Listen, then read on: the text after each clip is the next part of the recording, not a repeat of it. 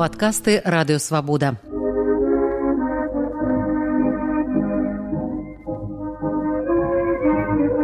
Сто гісторый пра БНР Сергеем Шупам.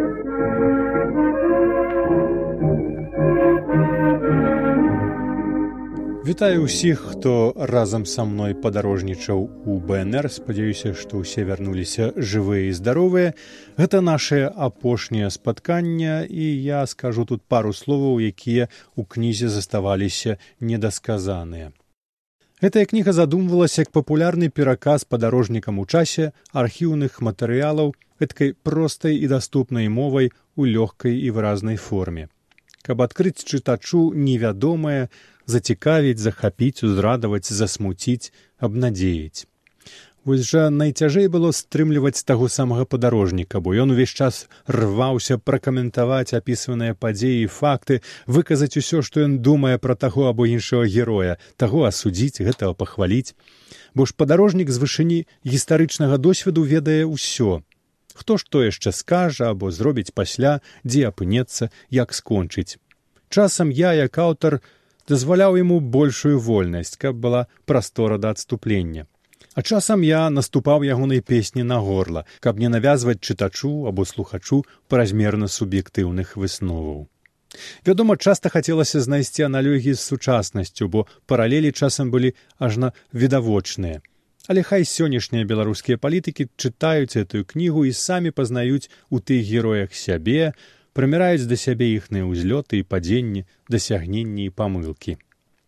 А яшчэ напрыклад вельмі хацелася б пачуць уражанні ад гэтай кнігі напрыклад владимира караткевича які сваімі кнігамі шмат каго прывёў у беларускі свет некаторыя старонкі архіваў бнр былі нібы напісаныя ягонаю рукою дзякуючы чаму ў мяне ўвесь час захоўвалася ўражанне што ўвесь гэты матэрыял просіцца хутчэй у літаратуру, чым у гістарычную манаграфію.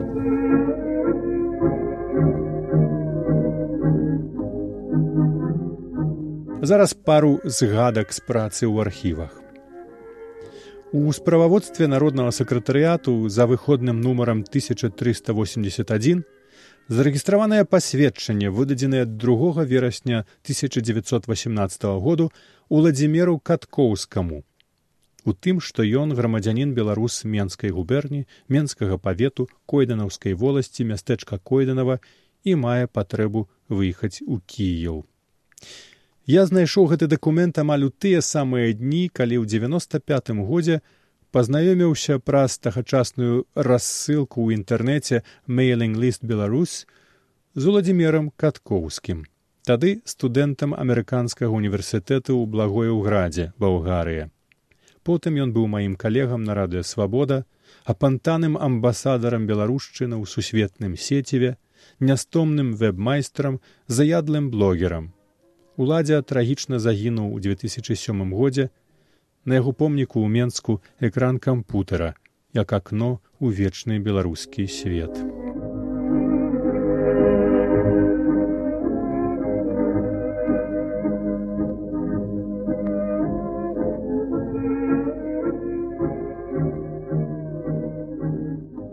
Часта гэтае архіўнае падарожжа ў БНР засмучала мяне настолькі, што хацелася горка заплакаць наколькі ж усё там было змрочна і безнадзейна і загадзя асуджанае на ўсё тое, што было пасля.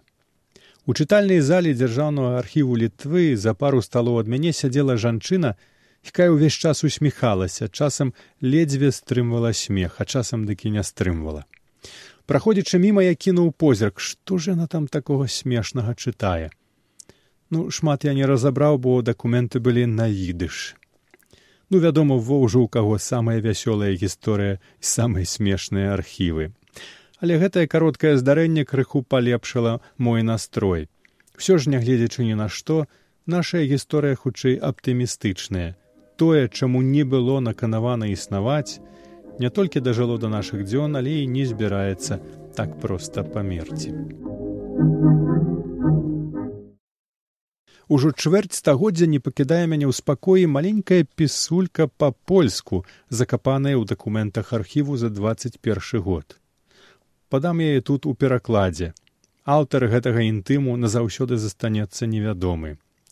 пану ластоўскаму сардэчныя вітанні страшна яго люблю а ўжо жыццё нашае камунай ніколі не выйдзе ў мяне з памяці найпрыемнейшы момант быў той калі пан ластоўскі ляжаў перад распаленай печчу паміж бабамі і ўсведамляў нас гісторыйкамі пацалуй ты яго за гэта вось як жа важна зрабіць у жыцці нешта такое няважнае дробнае датклівае каб нехта з іншага часу і далёкага свету даслаў за гэта такі пацалунак.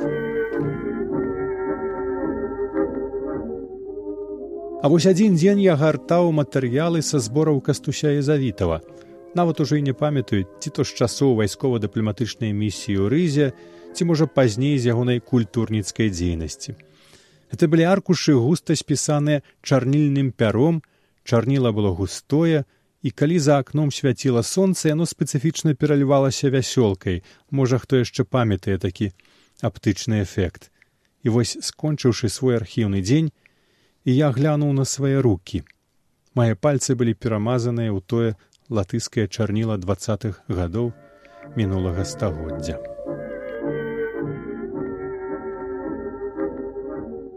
калі б я ставіў задачы даследнікам гісторыі бнр я перш за ўсё накіраваў іх на пошукі самага сэрца архіваў з прававодства народнага сакратарыяту за 1918 год. Добра было б знайсці і ўпарадкаваць архівы замежных місіяў у берліне празе рызе вільні таліне хельсінкі канстантынопалі і сям там яшчэ варта было б пашукаць у архівах літвы латвіі фінляндыі эстоніі матэрыялы аб прызнанні або непрызнанні бнр Кожная гісторыя, нават гісторыя дзяржавы это гісторыя людзей. Матэрыялы для гэтай гісторыі дагэтуль хаваюцца ў архівах ЧК, ГПУ, НКВД, МГБ, КГБ. Усё знойдзенае варта было б працягнуць публікаваць у серыі архівы БНР. Хацелася б таксама падтрымаць у руках вялікую манаграфію гісторыі Беларусі 17-29 гадоў, якая ахапляла падзеі ў БНР, савецкай беларусі і заходняй беларусі бнр яшчэ чакае свайго шырэйшага мастацкага ўвасаблення. Не хапае біяграфічных раманаў пра вядучыя постаці беларускага руху. Ну хоць бы пра антона луцкевіча і вацлава ластоўскага. Нават у гэтай кнізе знойдуцца дзясяткі завязак для раманаў або тэлесерыялаў.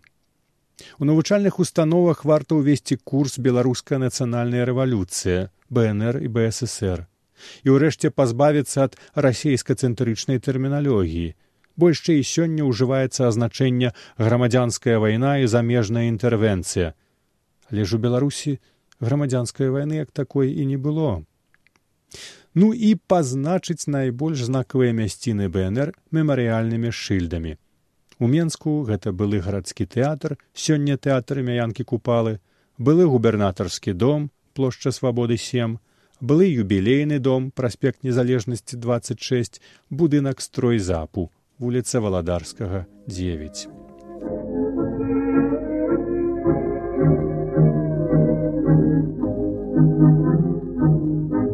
ну і апошняе. Маё падарожжа ў бнр пачалося аднойчы зімовым вечарам у вільні. Заканчваецца яно праз чвэрць стагоддзя вясновай раніцай у празе. З працоўных вокнаў можна пабачыць магілу пісьменніка, які як ніхто разбіраўся ва ўзаемадачыненнях чалавека і дзяржавы, асобы і сілаў гісторыі. Франц кафка. Ён да БНР непасрэднага дачынення не мае, аднак некалькі гадоў ён хадзіў з маімі героямі па тых самых вуліцах, разумеў свой час, а таму і іх час, іх дылемы, нявыкруткі і мары. Сёння яны ляжаць амаль побач невысокі мур аддзяляе новыя габрэйскія могілкі ад альшанскіх. Там спачуваюць два апошнія прэзідэнты даваеннай рады бнр пётра крычеўскі і васіль захарка. Это бадай што адзіныя магілы дзеячоў бнр якія мы сёння маем магчымасць наведаць. Магутныя камяні з выявамі пагоні і бел чырвона белага сцяга перажылі чатыры дзесяцігоддзі камунізму цяпер побач з імі афіцыйныя мемарыяльныя шыльды на чэшскай мове магіламі прэзідэнтаў апякуецца цяперашняя рада бнр штогод у памятныя дні сюды прыносяць кветкі тут чытаюць малітвы запальваюць свечкі астатнія героі маёй кнігі у пераважнай большасці зніклі ў пекле савецкага гулагу без памятнага следу на гэтай зямлі. Сёння праз сто гадоў успомнім усіх іх добрых і злых, разважлівых і апантаных, шчырых і хітрых, адукаваных і непісьменных, сяброў і супернікаў са спагадай і ўдзячнасцю. Сто гадоў таму ідэя беларускай незалежнасці з увагі на ўсе абставіны не мела ніякіх шанцаў але тыя людзі верылі ў цуд і гэты цуд адбыўся сёння з увагі на ўсе абставіны краіна беларусь хай і не выглядае дакладна так як марылі пра гэта першыя беларускія незалежнікі аднак беларуская незалежнасць прызнаная ва ўсім свеце гэта неабвержны факт а ўсё астатняе дадасца непазбежна як узыход сонца.